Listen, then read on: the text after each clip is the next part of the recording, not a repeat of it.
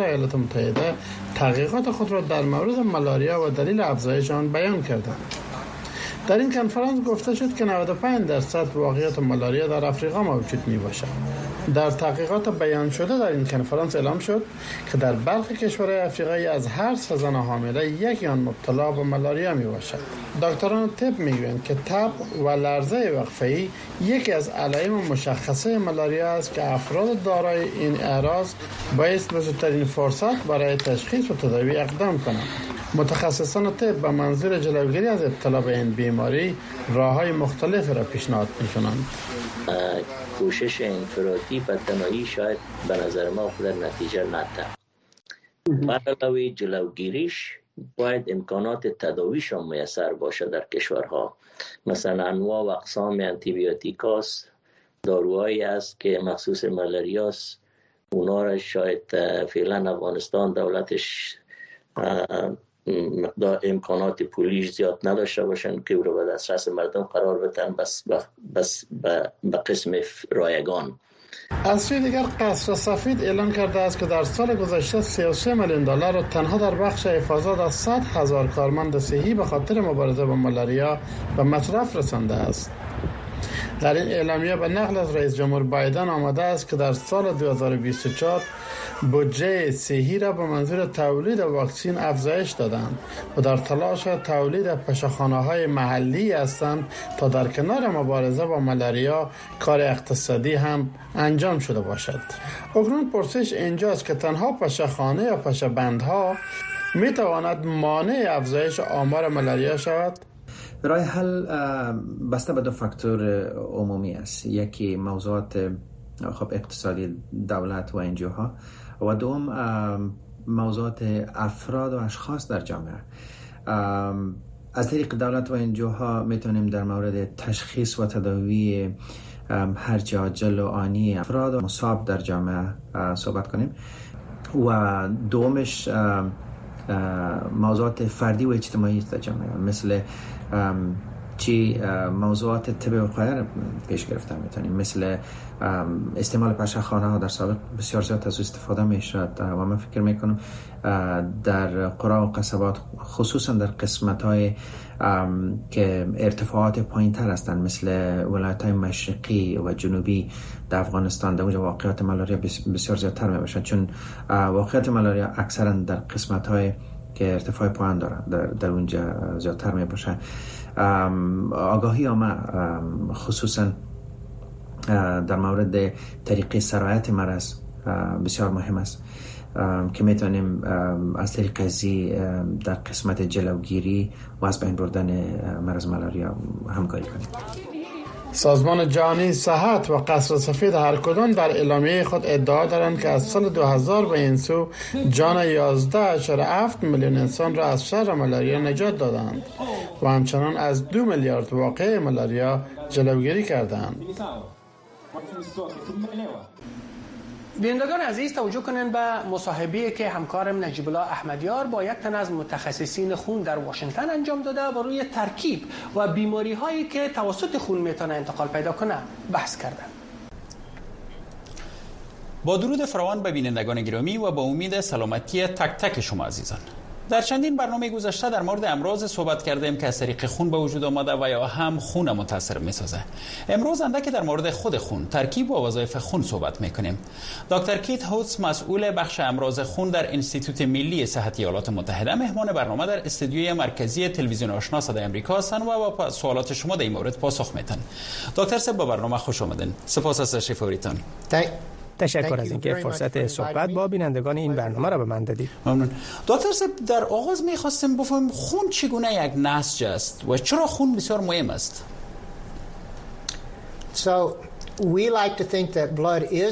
خون به خاطری بسیار مهم است که در همه قسمت های بدن جریان دارد و نیازمندی های بسیار ضروری هر عضو را مرفوع می سازد از قلب گرفته تا گرده ها قلب ششها جگر و عضلات. خون این وظیفه را از طریق رگها، شریانها و وریدها و شبکه بسیار پیچیده انجام می‌دهد. خون برای این کار باید شکل مایع را داشته باشد. اما حجرات جامد نیز در ترکیب خون موجود است که مهمترین آن حجرات سرخ خون است. حجرات سرخ خون اکسیژنی را که ما از طریق تنفس می‌گیریم به تمام حجرات بدن انتقال می دهد تا این حجرات زنده بمانند. حجرات سرخ خون همچنان مواد اضافی مثلا کربن دی اکساید را از طریق حجرات گرفته و به ششها می رساند که سپس ما آن را از طریق تنفس به بیرون طرح می تشکر دکتر صاحب. بیننده ما هم پرسش های دارن به این که از اونها بشنویم. سلام وقت بخیر. من جلیل هستم. دکتر صاحب رژیم غذایی بالای خون تاثیر دارد؟ در مورد وظایف خون دکتر صاحب. خون وظایف متعدد دارد. در سوال قبلی دو وظیفه خون را تشریح کردم که یکی آن انتقال اکسیژن به حجرات و دوم هم تخلیه مواد اضافی از بدن که به شکل کربن دی اکساید از طریق شش و به گونه ادرار از طریق گرده ها اطراح می شود. اما خون حجرات دیگری هم در ترکیب خود دارد که بدن ما را در مقابل میکروب ها یا سایر اشکال صدمات محافظت می کند.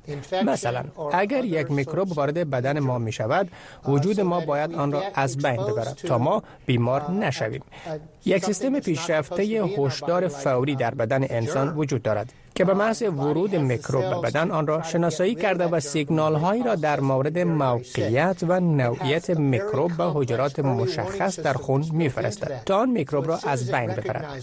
بر علاوه خون یک سیستم دفاعی در خود دارد که از ضایع شدن خون جلوگیری می کند مثلا اگر یک رگ قطع شود این سیستم فعال شده و با لخته شدن خون در ساحه‌ای که رگ قطع شده است از زیای خون جلوگیری می کند پروتئین های مشخصی در خون وجود دارد که این سیستم را فعال ساخته و از ضایع شدن مقدار زیاد خون جلوگیری می‌کند. تشکر دکتر سه پرسش بینده بعدی ما را می‌گیریم. زمانم صفت الله د بو علی سینا خبرونه لیدونکو او ډاکټر صاحب ته سلامونه. کوم مرزونه دي چې د وینې لارې نورو ته انتقالېږي؟ امراضی وجود دارد که مستقیما توسط خون انتقال می‌یابد و عموما این گونه امراض از انسان به انسان انتقال می‌یابد. مثلا در صورت انتقال خون یک شخص به فرد مبتلا به کمخونی ممکن است اگر شخص خون دهنده مبتلا به یک بیماری میکروبی باشد شخص دریافت کننده خون ممکن مبتلا به عین مرض شود. معمول ترین این گونه امراض التهاب ویروسی جگر و HIV است. هرچند شمار دیگر امراض وجود دارد که از این طریق انتقال می کنند اما این دو بیماری را که گفتم بیش از همه معمول است. از این روز که در شفاخانه ها خون پیش از تطبیق آن به بیماران به خاطر موجودیت ویروس التهاب جگر و اچ آی آزمایش می شود تا از انتقال آن از یک فرد به فرد دیگر جلوگیری شود. بازم پرسش بینده بعدی ما را می‌گیریم دکتر سم. سلام به بینندگان عزیز و مهمان برنامه. نام من فایز است. می‌خوام بپرسم که خون در بدن چی وظیفه دارد؟ رژیم غذایی و عادات فردی چقدر می‌تونه تاثیرگذار باشه بر سلامتی خون؟ رژیم غذایی منبع بسیار مهم فراهم کننده مواد مغذی ضروری برای خون است. مهمترین آن آهن است که برای تولید حجرات سرخ خون به آن نیاز می باشد. از این روز که افراد مبتلا به کمبود آهن شمار کمتر حجرات سرخ خون می داشته باشند. خلاصه تمام حجرات خون به مواد مغذی نیاز دارند که آن را از رژیم غذایی می گیرند. در نهایت ویتامین ها برای خون ضروری هستند مثلا اگر یک شخص مقدار کافی ویتامین K را از طریق غذا دریافت نکند به احتمال زیاد که نزد وی خونریزی پیدا خواهد شد. رژیم غذایی متوازن تضمین کننده خون خوب است. دکتر سر یک نکته صحبت می‌کنیم که بسیار مهم هم است. او موضوع گروپ های خون است. چند گروپ خون وجود داره و چه تفاوت داره گروپ های خون است هم؟ و چرا یک نفر باید بفهمه گروپ خون خوده So blood groups are very important. گروپ های خون بسیار مهمند. عمدتا در صورت اهدای خون به شخص نیازمند باید خون هر دو فرد از یک گروه باشد. معمولترین گروپ های خون A, B, O اند و گروپ دیگری به نام AB هم در نزد شماری مردم موجود است. در صورتی که شخص نیازمند به خون یک گروپ خون داشته باشند و به وی گروپ خون دیگر داده شود، این کار سبب یک عکس شدید در بدن می شود. از این رو دانستن گروه های خون لازم است تا در صورت ضرورت خون درست و مناسب به شخص داده شود به عنوان نکته اخیر دکتر صاحب شما از حجرات سرخ، حجرات سفید و دیگر مشتقات یاد کردین که سبب جلوگیری از خونریزی در بدن میشه. از نظر آسیب پذیری در مقابل امراض کدام از اینا بیشتر آسیب پذیر هستند؟ بستگی به نوع مرض دارد. اگر یک فرد مشکل خونریزی داشته باشد پس پلاتلیت های خون این شخص دچار مشکل است. اگر یک فرد مبتلا به امراض میکروبی می شود به این مفهوم است که شمار حجرات سفید خون در بدن وی کم است. یا هم اگر حجرات سرخ خون فرد کم باشد کم خونی به بار آمده و کمبود شدید آن به دلیل اینکه ناقل اکسیژن در بدن است تهدید کننده زندگی بوده می تواند تشکر دکتر سباسشی فوریتون با برنامه. تشکر از اینکه فرصت صحبت با بینندگان این برنامه را به من دادید. ممنون شما. دکتر کیت هولز مسئول بخش امراض خون در انستیتوت ملی صحت ایالات متحده مهمان برنامه در استودیوی مرکزی تلویزیون آشنا صدا امریکا در مورد خون ترکیب و وظایف خون به شما معلومات داد. امیدوارم که از او سود برده باشین. مرور هفتوار بر مهمترین رویدادها و گزارشها از افغانستان و جهان هر جمعه شب از ساعت 11 تا 11 و در برنامه سی دقیقه از تلویزیون آشنا صدای امریکا پخش زنده این برنامه را در نشرات ماهواره‌ای صدای امریکا نیز دنبال کرده می توانید.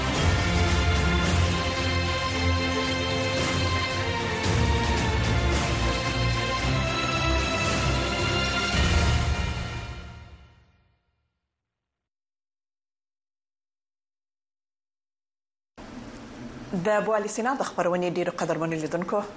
د کندوز په ولایت کې لا ماشومان ته واکسین په مجموعاتونو کې ورکول کیږي.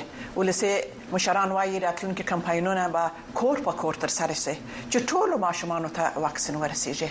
نور حال پر پورت کې وګورئ په دی روسیو کې په افغانستان کې د پولیو پر ضد مبارزه چړهکه شوې ده او د خلکو د مپوهاوی کچه هم د پخوا په پرتله زیاته شوې ده. خلک غواړي چې د ویروس نور له افغانستان څخه محو شي په امدي تړاو په کندوز ولایت کې ل قومي مشرانو سره وغږیدو چې غوښتنه لري. جماعت په جماعت واکسین کې یو شمیر ماشومان پاتې کیږي او ل دی وروسته د کور په کور واکسین تطبیق شي چې ویروس لمنځه ولاړ شي او ټول ماشومان ته واکسین ورسیږي. قومي مشر عبدالکریم تڼي ل امریکا غږ سره په خبرو کې ویل چې د ګوزن زد راتلونکي کمپاینونه د کور په کور پلي شي.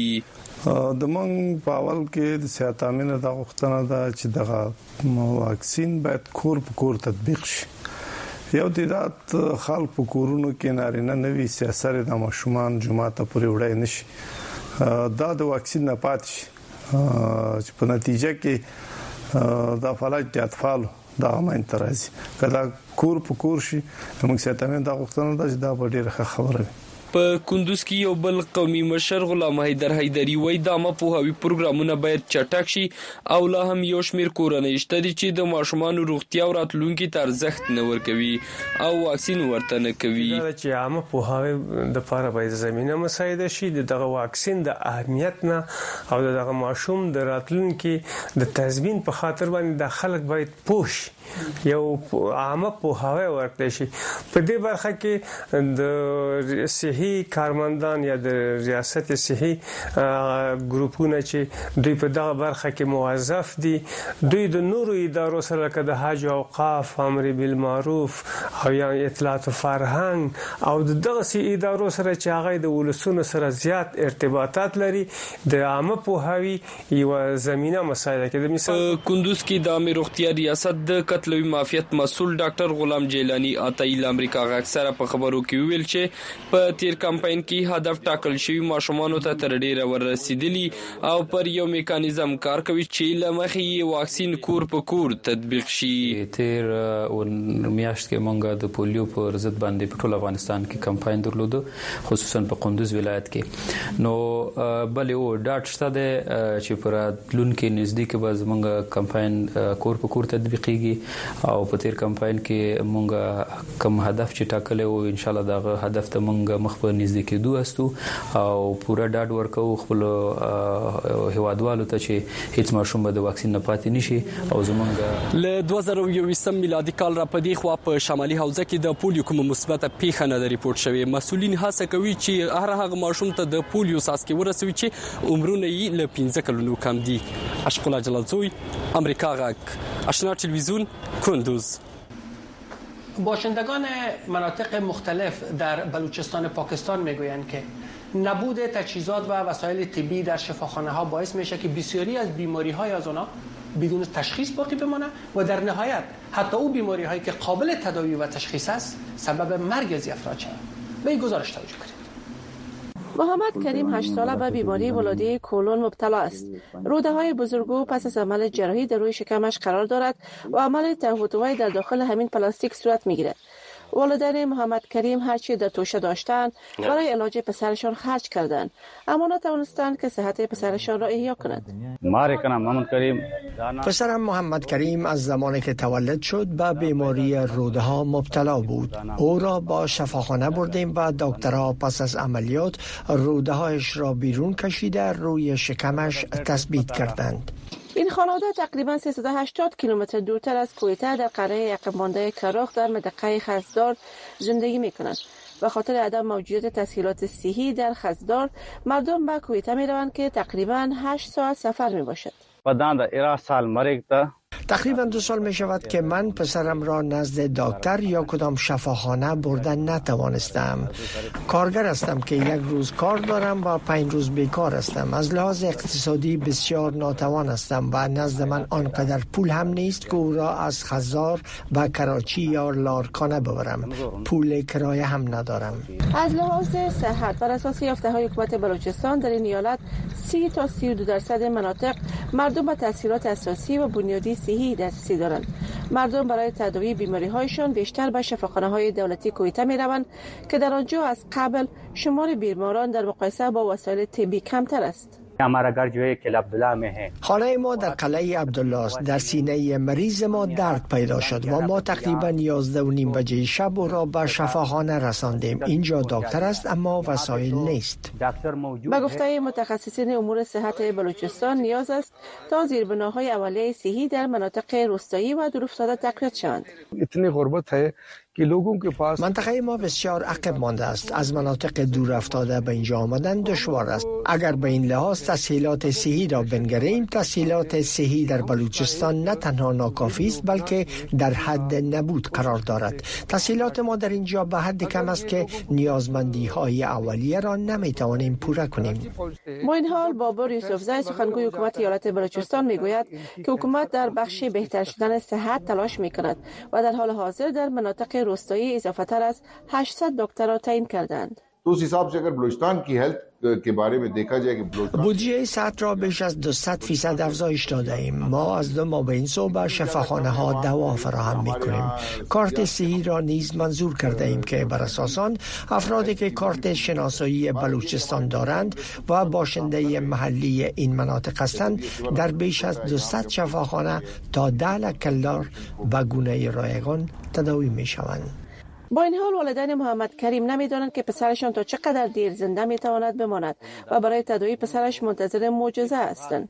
در بلوچستان صدها هزار نفر مثل محمد کریم منتظر کمک حکومت هستند. کارشناسان صحت می‌خواهند تا در مناطق عقب مانده نیالت برای فراهم کردن تسهیلات پالیسی جامعه روی دست گرفته شده و بودجه سالانه افزایش شود تا باشد که در دسترسی تسهیلات بنیادی به تمام مردم مفید واقع شود.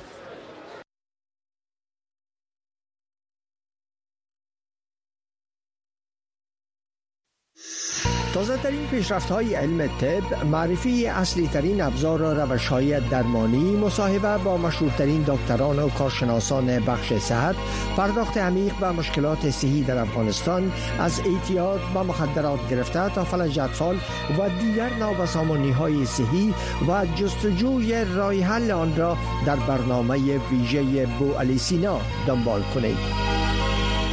بوالیسینا نشرات رادیویی ماهواره‌ای و دیجیتالی صدای امریکا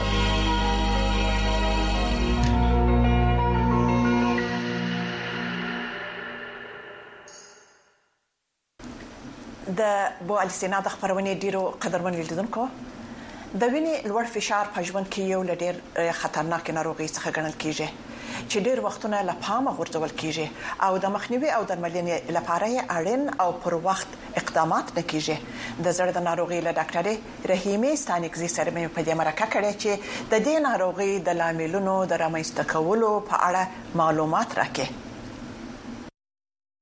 ډاکټر صاحب تاسو د بوالي سینا خبرونه ته ډیر شرغلست ډاکټر صاحب د وینې لوړ فشار په څو ډول دي او لاملونه یې په خلکو کې څه دي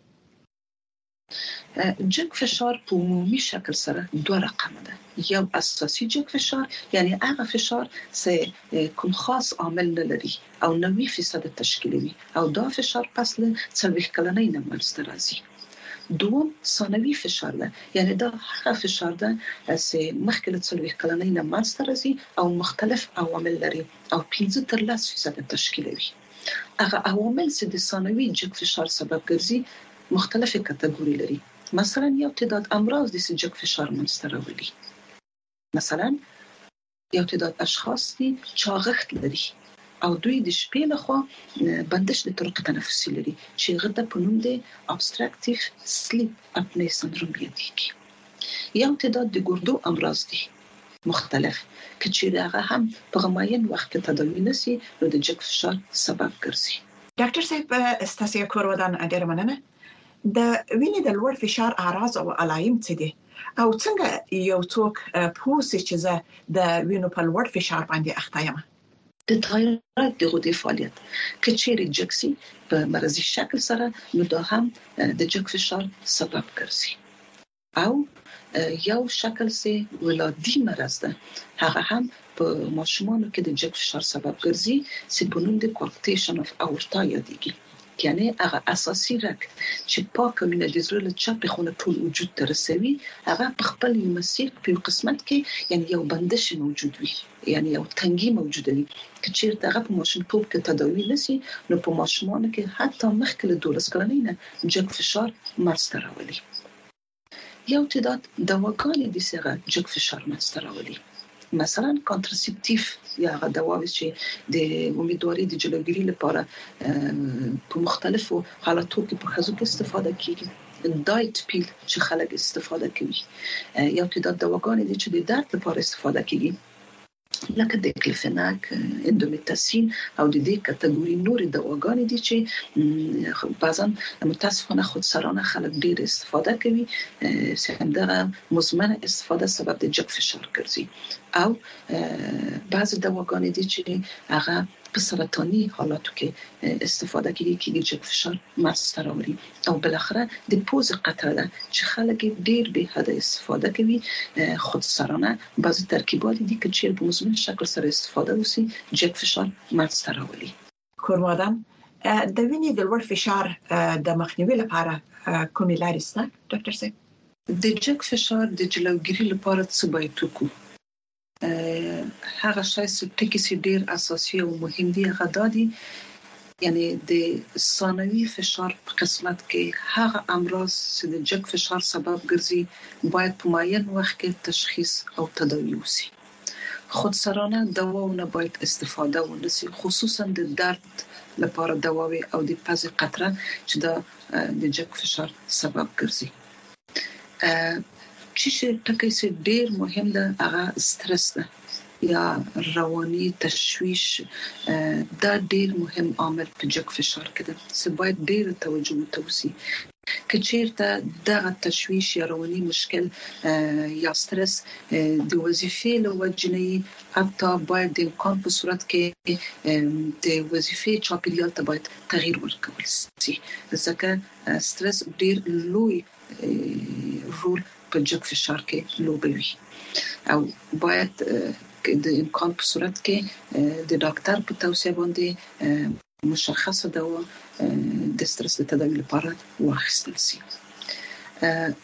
دریم د غذایی مواد ته باید ډیر توجه وشي. له ابتدا له ځواني نه باید یعنی غذایی مواد مناسب باید استفاده وسی ډیره پکې ترکاری میوه وی او لسری غوښنه او یا هم شحم حیواني شحم ډیره استفاده ونسی وزن ته باید ډیره توجه وسی لغه اعتدال ځواني نه ځکه په ځواني کې وزن کنټرولېږي اما ورسته مشکل ده باید لاوله متډیره توجه وسی فزیکی فعالیتونه ډیر مهم دي. لمغه ځواني له وخت نه باید فزیکی تمرینات شروع سي او ادامه پیدا وکړي.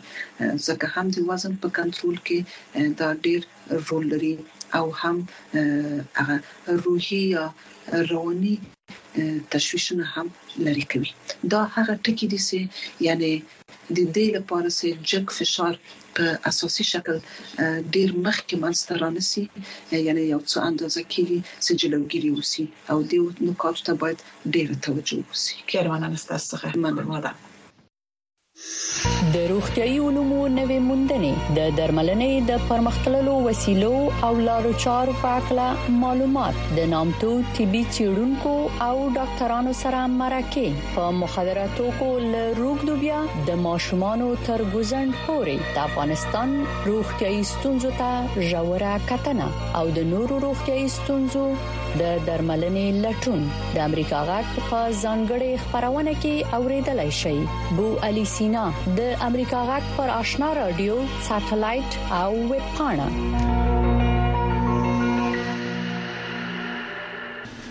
و باز هم گزارش در مورد اضرار مواد مخدر. بینگان عزیز تعدادی از افراد که معتاد هستند میگن که سالها شده که از خانواده و کودکانشان خبر ندارند. به گزارش توجه کنید. توریالی جوان 35 ساله که حدود دو دهه پیش در کابل معتاد به مواد مخدر شده است. او ادعا می کند که سیگرت های ناشنایی را از سوی دوستان خود دریافت و دود می کرد اما خبر که در ترکیب آن مواد خطرناک نشاوری وجود داشته است. یک اندیوالم بود به نام شمس بچه ملا در سیگرت پر می‌کرد برم به نام سیگرت وری وری امریکایی می‌دادم. مدت یک ماه برام داد. بسیار ازش لذت می بردم تو چی خوب سیگرتی از می‌گفتم از کجایی می‌گفت؟ در بگرام سودا میشه. در بگرام از بگرام میاردم سیگرت های دبل دبل امریکایی را دیدی؟ یک رقم سیاه بزرگ بود. یک مبادی ما چه مزار رفت پنشیر رفت کجا رفت؟ برای من نداد. شو خانه آمدم بسیار وزم خراب شد. اما مادرم همشیره بیادرک های از زیر خل بردم مرا کلینیک شیننزاده مکریان رفتیم دکتر صاحب برای مادرم گفت که بچه معتاد شده این جوان معتاد ازدواج کرده و صاحب دو فرزند است. اما به گفته خودش سالها است که از خانواده و فرزندان خود دور و در جمع معتادان به سر می‌برد. حالا مادر چرا کردی کلانم؟ با میدان ماندیم و شدیم ایرانت. حالا مادر چرا کردی کلانم. با میدان ماندیم و شده میرانت شاید شاید تا خیر میرم زهجران تو زهجران تو. روز مشر دست من گربان تو. توریالای ادعا می کند که تمام سرمایه مادی به شمول خانه شخصی خود را در استعمال مواد مخدر از دست داده و اکنون در دنیای تاریک ایتیاد سرگردان است. 34 35 هزار دلار میراث خانه مکریان برم رسید. سرمایه داشتم موتر داشتم خانه داشتم. کلش رفت فقط خودم مانده و اینمی پتو مانده بس. باید گفت که نهادهای امنیتی و صحی در فصل زمستان هزاران معتاد را شهر کابل جمعوری و در مراکز ترک ایتیاد تحت درمان قرار دادند. احمد زکی تلویزیون آشنا صدای امریکا کابل. بینندگان عزیز این بود داشته های برنامه هفته بو سینا که خدمت شما تقدیم شد. او د مثبتو پیشنهادونو او نظریاتو په تمایل بله بینندگان عزیز و اگر خواسته باشین شما راجع به کدام بیماری معلومات پیدا بکنید نظریات مثبتتان می‌تونید در صفحه فیسبوک دری و پشتوی صدا امریکا با ما شریک بسازید تا هفته آینده خدا نگهدار. خدای ما